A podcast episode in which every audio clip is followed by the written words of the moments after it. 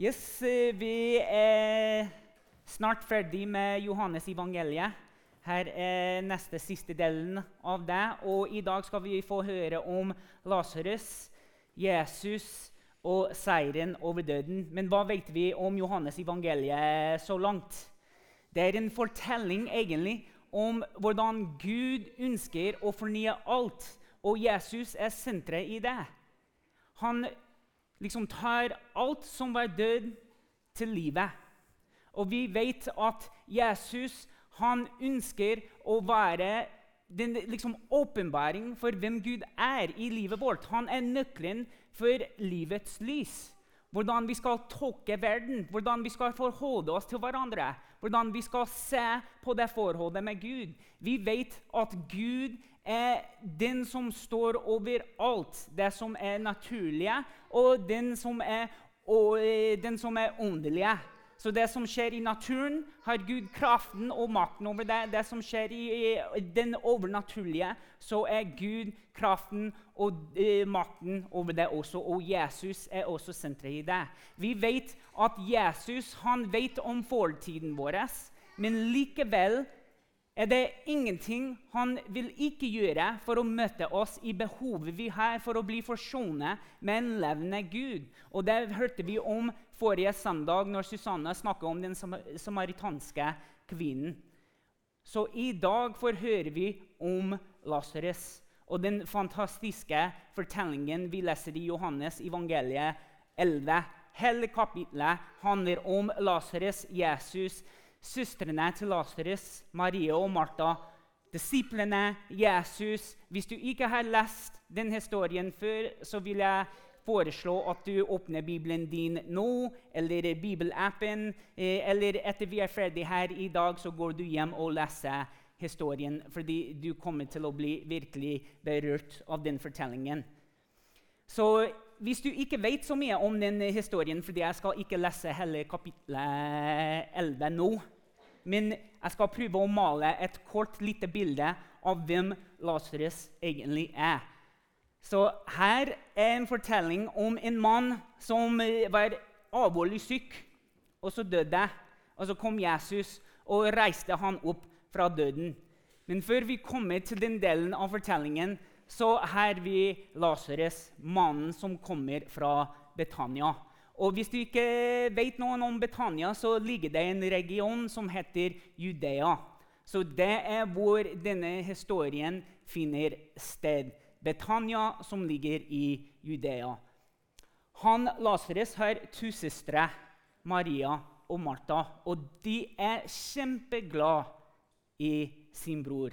Det er mange av oss som har søstre, og vi er veldig glad i de søsknene.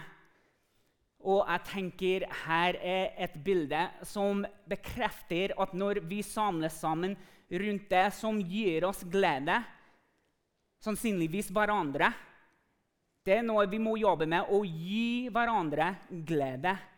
Når du møter folk, så må de tenke her er en person som fyller meg opp med glede, som jeg blir glad når jeg ser dem. Og her er et bilde av det her så leser vi et kort vers, eller noen få vers fra kapittel 11 1-5. Det var en mann som var syk, Lasarus fra Betania. Den byen Maria og hennes søster Martha bodde. Det var den Maria som salvet Herren med vedløftende salveolje og tørket føttene hans med håret sitt. Hennes bror Lasarus var syk. Derfor sendte søstrene bud på ham og sa De sendte bud til Jesus. Herre, se, han som du elsker, er syk. Da Jesus hørte det, sa han, denne sykdommen er ikke til døden, men for Guds æres skyld, for at Guds sønn skal bli helliggjort ved den. Jesus elsket Martha og hennes søster og Lasarus. Det er tre ting som jeg virkelig ønsker å gi bort til dere her i dag. Og Den første er at Jesus elsker deg. Lasarus var ikke en hvem som helst person. Vi er ikke hvem som helst folk til Gud. Han ser på oss, han lytter til oss. Han ønsker å grepe inn i livet. Og hvorfor gjør han det? Fordi han elsker oss. Vi leser det. Jesus elsket Lasarus. Jesus elsket søstrene Maria og Martha. Så når vi faktisk hører om historien som gjelder Lasarus, så hører vi om akkurat folk som dere og meg. Lasarus, Martha og Maria de var folk som hadde behov. Behov for å bli sett, behov for å bli lyttet til, behov for å bli tatt alvorlig på, behov for at folk skulle stille opp og kjempe livets tøffeste kamper sammen med dem. Det er oss som sitter her i dag. Skjønner dere det? Vi er folk som har behov. Behov som bare Jesus kan møte. Når vi møtte Lasarus i denne historien, her, så møtte vi en mann som har et behov som bare Jesus kunne møte. Og det er Jesus' kjærlighet, Jesus, Jesus som elsker Lasarus, som fører til denne handlingen hvor Jesus skal reise Lasarus opp fra døden. Men det blir litt vanskelig og, og forvirrende, egentlig. Når vi først hører at Lasarus er syk, han ligger og skal dø snart, og Jesus han velger å være en og to dager på det stedet han var. Og vi får ikke noe årsak til hvorfor Jesus er der. Men det vi leser i forrige kapittel, var at rett før Jesus dro fra Judea, fordi han var nettopp der før Lasarus ble syk Her må vi få med oss. Rett før han dro, så gjorde han en under. Og de jødene, de religiøse lederne som var til stede den dagen, ble så fryktelig synt at de prøvde å drepe Jesus. Og Det er egentlig derfor at de dro fra Betania eller Judea før gangen. Så her er de, de er utenfor byen. De får beskjed at Lasarus, han som er elsket av Jesus, er syk. Og så er de fortsatt der i nå to dager. Det er egentlig i løpet av den samtalen at Jesus han må tvinge skikkelig tvinge sine disipler til å bli med han tilbake til Betania for å gjøre noe i livet til Lasarus han foreslår til disiplene ja, nå skal vi reise tilbake til Judea. Og de sier, 'Hæ? Skal vi dit?' Hvorfor skal vi dit, Jesus? De jødene har nettopp prøvd å drepe deg. Skal vi tilbake? Og her er hvor vi virkelig lærer at Jesus elsker mennesker.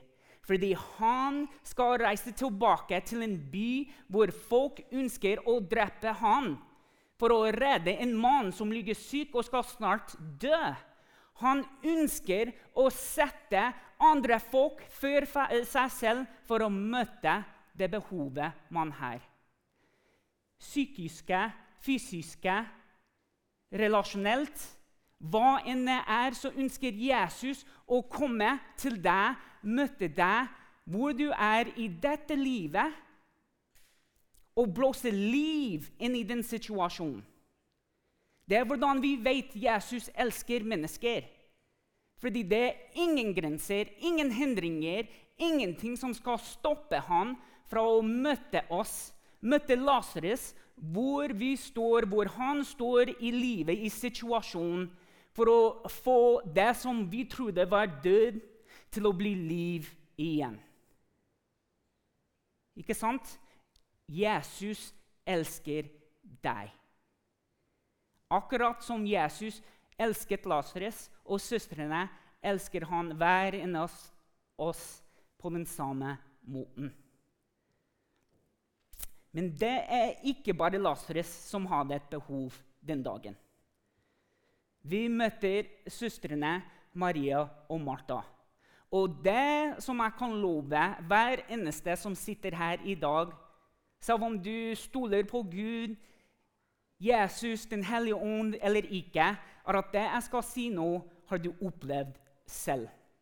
Igjen, vi kan sammenligne oss med den historien om Lasarus, søstrene og Jesus og hva vi har behov for i livet vårt. Maria og Martha er hver eneste av dere. Maria og Martha er meg. De hadde et behov den dagen. De kommer til å miste sin bror. Han skal snart dø.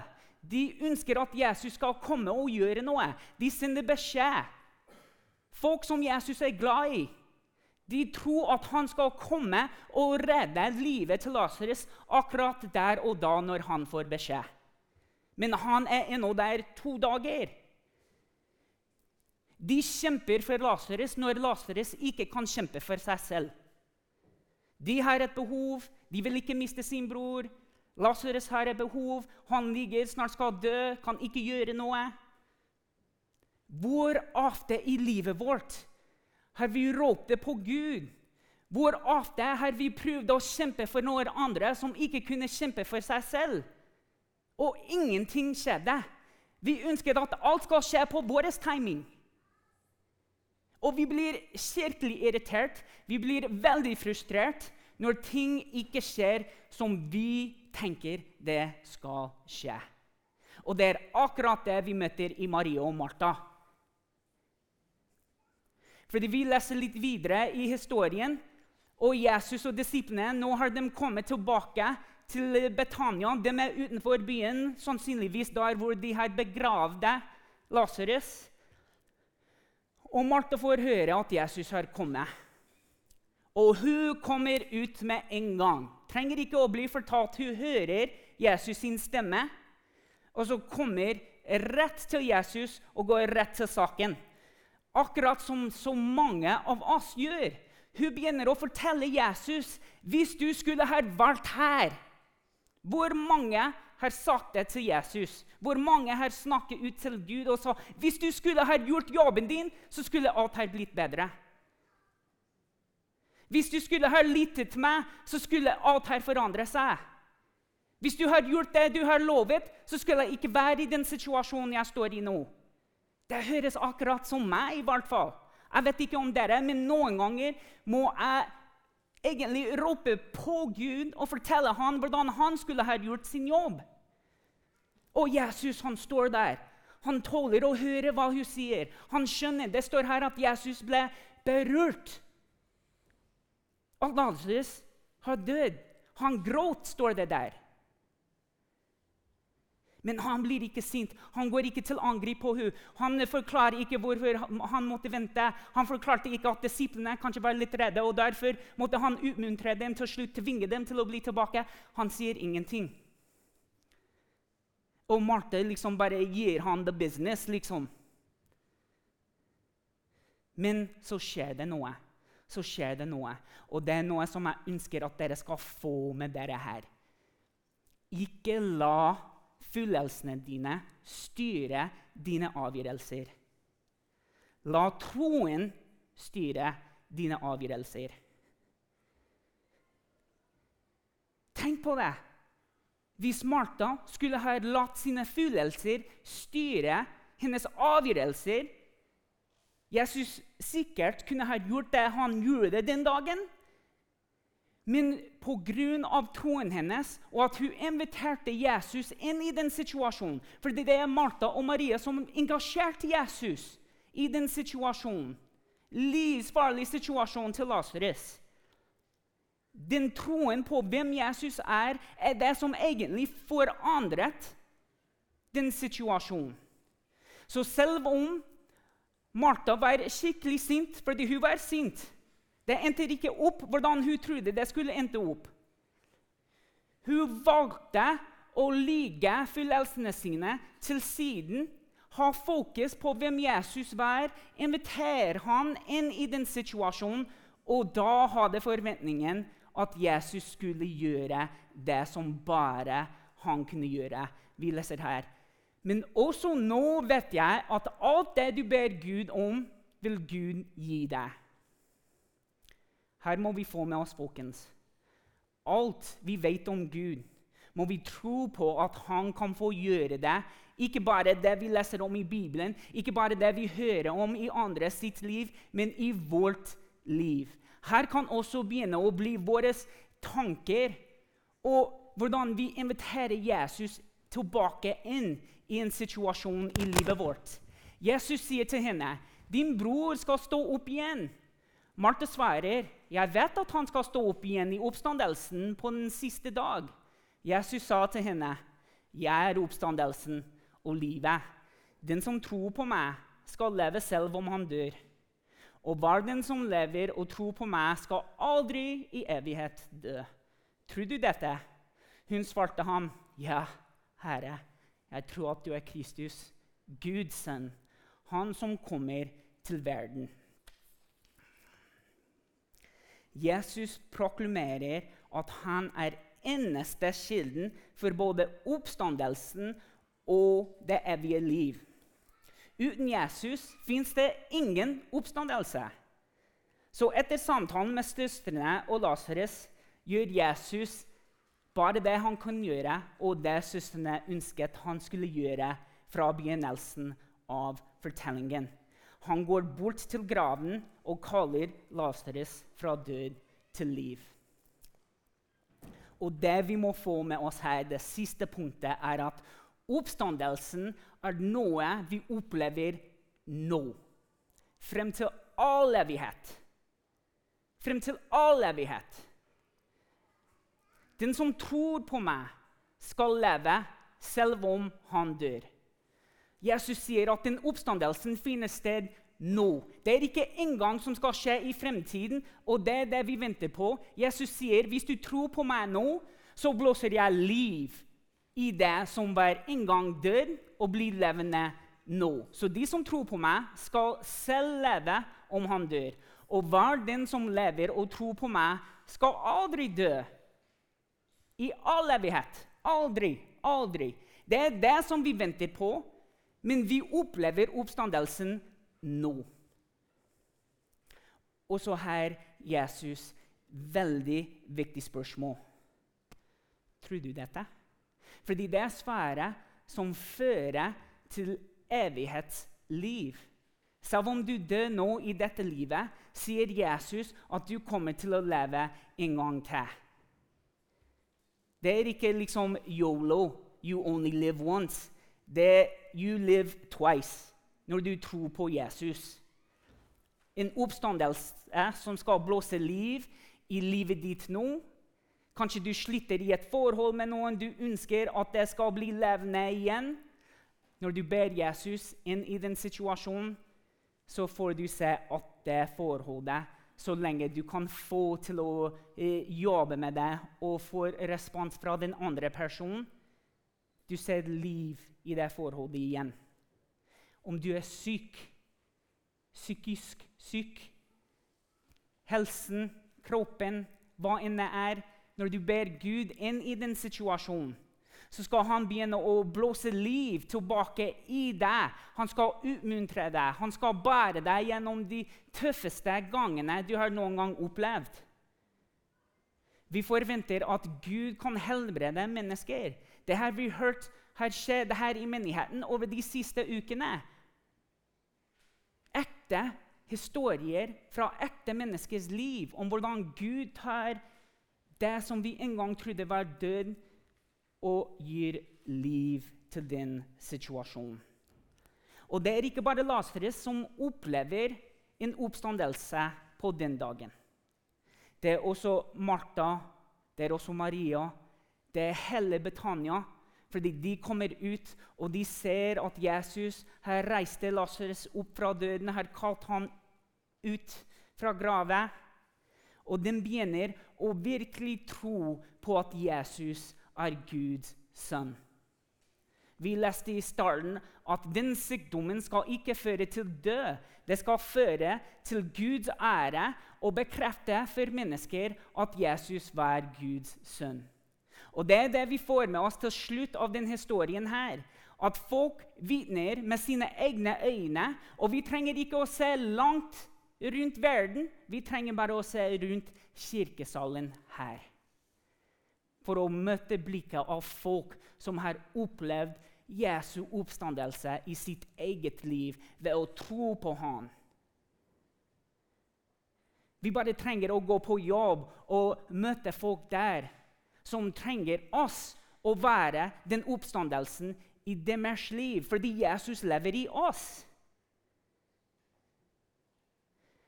Vi trenger ikke å se lenger egentlig enn frokost- eller middagsbordet. Hvor vi sitter ved siden av våre egne folk som trenger Jesu kraft, Jesu tilgivelse, nåde, kjærlighet. Og vi, folkens, vi er kalt til det når vi først og fremst har opplevd Jesu oppstandelse i vårt eget liv. Ikke det som kommer etter vi dør, men det som har kommet den dagen vi har tatt imot Jesus i livet vårt. Vi er virkelig svar på den bønnen. Vi går rundt og vi ber Gud ja, la det være fred. La, la folk komme til deg, Jesus. Folkens, La meg bekrefte noe for oss her i dag. Vi er svære på våre egne bønner.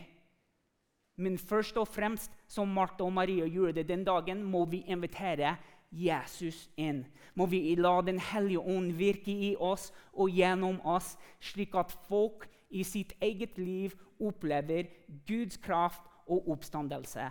Amen.